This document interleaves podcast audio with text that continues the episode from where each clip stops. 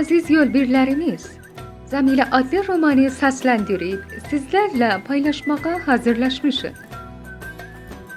Yazar Səngiz Aytmatov Seviren Gülman Musayev Hazırlayan Fatimə Həsənpur Her zamanki kimin bizimle olun, bakışlarınızı bize çattırın.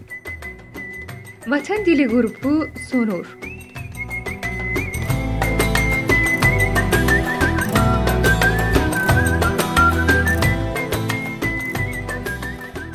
Anam qolxoz başçısına sözünü qurtarmağa macal vermədi. Ay mənim səfilim. Gör bir nəyə oxşayırsan? Saçlarına bir bax. Atandan da heç olmaz. Oğlunun başını qırxmağa da vaxt tapmır. Oruzmat anamın nəyə işarə vurduğunu tez başa düşdü. Yaxşı. Qoy oğlunuz bu gün qocaların yanında qalsın. Səy, bu gün evdə qal. Atları yemlə. Səhər tezdən isə Cəmiləyə araba verərik. Bir yerdə işlərsiniz. Ancaq deyirəm ha, onun üçün sən cavab versən. Yaxşı bay biçə. Siz narahat olmayın. Səid qoymaz ki, ona bir söz deyən olsun. Əgər iş o yerə gəlib çatsa, Daniyarı da onlarla göndərərəm. Siz ki onları tanıyırsınız. Fəqir oğlandır. Bu yaxında cəbhədən qayıtmış oğlanı deyirəm. Üçlükdə vağzala taxıl daşıyarsınız. O zaman kim cəsarət eləyib sizin gəlininizə toxuna bilər? Elə deyil Səid? Sən necə bilirsən? İstəyirik ki, Cəmiləni sürücü qoyaq, ancaq anan razı olmur. Sən onu yola gətir. Kolxoz başçısının tərifi və mənimlə yaşlı bir adam kimi məsləhətləşməsi sinəmə yatdı. Eyni zamanda Cəmilə ilə birlikdə vağzala getməyin necə yaxşı olacağını təsəvvürümə gətirdi. Ciddi bir ifadə alaraq anama dedim: "Ona heç nə olmaz. Canavar yeməyəcək ki." Mən çoxdanın sürücüsü kimi dişlərim arasından işgüzarcasına yerə tüpürdüm. Çiyinlərimi ata-ata qamçını arxamca sürütləyib uzaqlaşdım. Bir buna bax. deyə anam təəccübləndi. Və elə bil sevindi də. Ancaq dərhal acıqla çağırdı. Mən sənə göstərərəm canavar nədir. Sən haranın biləni oldun? Ağıllı tapıldın da. O da bilməsə bəs kim biləcək? O sizdə iki ailənin yiğididir.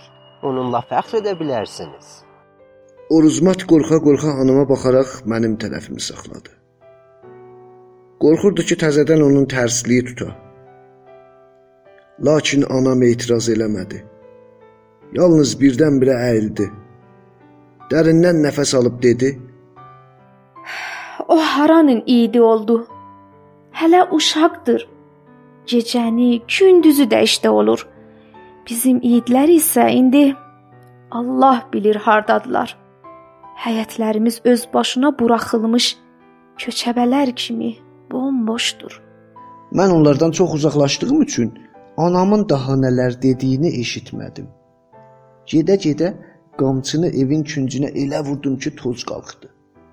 Hətta əllərini şappıldadaraq həyətdə təzəh yapan bacımın gülümsəməsinə də əhəmiyyət vermədən əda ilə talvarın altına keçdim. Orda çömbəlib oturdum və güvəcdən su töküb əllərimi yumağa başladım. Sonra otağa keçib bir piyalə qatıq içdim. İkinci piyaləni isə pəncərənin qabağına aparıb içinə çörək doğramağa başladım. Anam və Uruzmat hələ də həyətdə idilər. Ancaq daha mübahisə etmirdilər. Yavaşcadan sakitcə söhbət edirdilər. Görünür ki, qardaşlarım barədə danışırdılar. Anam şişmiş gözlərini hərdən bir paltardan ətəyi ilə silir və görünür ki, ona təskinlik verən Uruzmatın sözlərinə başı ilə dalğınlıqla cavab verərək dumanlı nəzərini zilləmişdi. O elə bil öz oğullarını burada görmək umudunda idi. Qüssəyə qapılmış anam sanki qalxoz başçısının təklifi ilə razılaşmışdı. Öz məqsədinə çatmasından çox razı qalmış qalxoz başçısı isə qamçı ilə atın belini şappıldadaraq sürətli yorğa yerişlə həyətdən çıxdı. O zaman əlbəttə nə anam, nə də mən bu işin necə qurtaracağını düşünmürdük.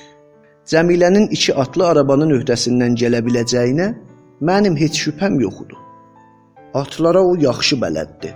O dağ aylı Bəkayırda ilxıçı qızı idi. Bizim Sadiq də ilxıçı idi. Guya bir dəfə baharda cidir zamanı o Cəmiləyə çata bilməmişdi. Kim bilir? Kim bilir bu nə qədər doğrudur? Ancaq danışırdılar ki, bu əhvalatdan sonra pərt olmuş Sadiq Cəmiləni götürüb qaçırtmışdı. Bununla belə başqaları isə deyirdilər ki, onlar bir-birini sevərək evlənmişdilər.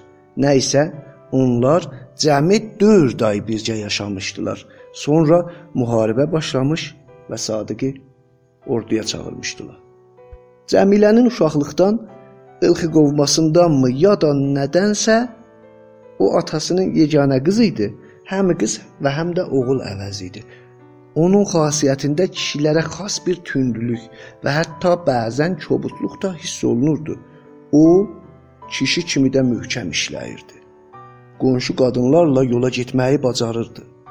Ancaq onu nahaq yerə bir balaca incidən kimi söyüşdə heç kəsdən geri qalmazdı. Arvadları saçlamışdı da. Qonşular dəfələrlə şikayətə gəlmişdilər. Bu gəliniz necə adamdır? Astanadan içəri girməsi heç bir həftə olmaz. Ancaq elə bil dil otu yeyibdi. Nə hörmət başa düşür, nə həya. Elə yaxşı ki, belə adamdır. Mənim gəlinim sözün düzünü adamın gözünün içinə deməyi sevir. Pıç-pıçı danışıb altdan sancmağındansa bu yaxşıdır. Sizinkilər özlərini mələikə kimi göstərirlər. Ancaq əslində imiş yumurta kimidirlər. Bayırdan təmiz və hamvar, içərisinin iyi adamın ürəyini bulandırır.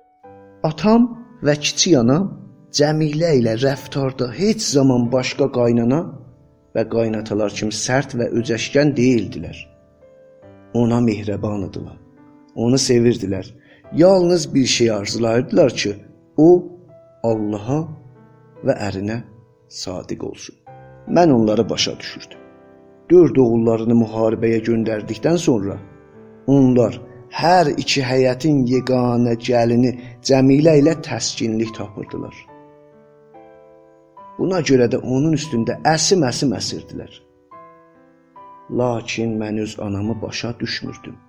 O adamı elə belə sevən adamlardan deyildi. Ağır və tünd xasiyyəti var idi öz köhnə adət və ənənəsi ilə yaşayardı və həmişə də bunu riayət edərdi.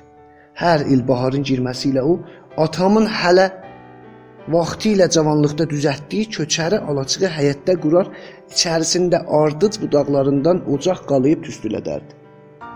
O bizi də ciddi zəhmət sevən və böyüklərə hörmət ruhunda tərbiyə edərdi. Bütün ailə üzvlərindən tələb edərdi ki, qeydi şərtsiz ona tabe olsunlar.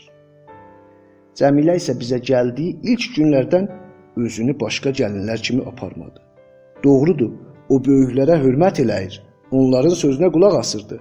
Ancaq heç zaman onların qabağında baş əymirdi. Bununla belə başqa cavan gəlinlər kimi üzünü başqa yana çevirən tək burnunun altında mızıldanıb söymürdü. Ürəyindəkini açıq deyirdi və öz fikrini deməkdən də çəkinmirdi. Anam tez-tez Cəmilənin tərəfini saxlayıb onunla razılaşardı. Ancaq axırıncı söz həmişə özününki olurdu.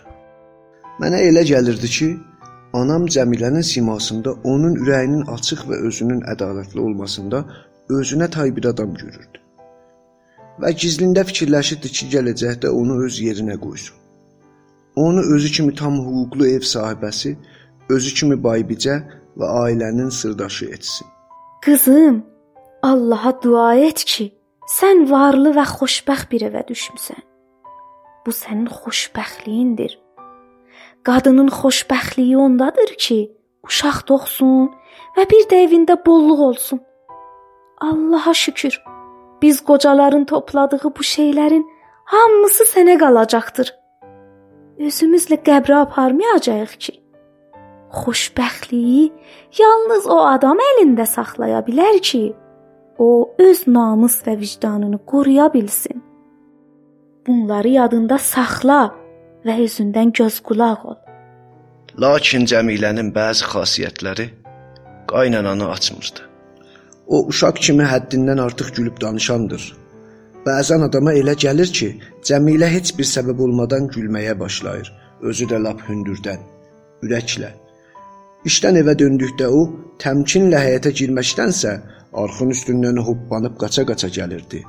Boş-boşuna gah bir qaynanasını, gah da o birini öpməyə başlayırdı. Cəmilə mahnı oxumağı da sevirdi. O həmişə böyüklərdən çəkinmədən bir şey zəmzəmə edirdi. Əlbəttə, bütün bunlar gəlinin ailə içərisindəki rəftarı haqqında ailədə yaranıb hifz olunan təsəvvürlərlə bir araya sığmırdı. Lakin hər iki qaynana onunla təsəlli tapırdı ki, vaxt ötdükcə Cəmilə başa düşüb ağıllanacaqdır. Cavanlıqda elə hamı belə olmayıb məgər? Mənim üçün dünyada Cəmilədən yaxşısı yoxdur. Bizim üçün birlikdə çox yaxşı keçirdi. Heç bir səbəb olmadan gülüşür və həyətdə bir-birimizi qovurduq. Cəmilə qəşəng qızıdı, boybuxunlu idi.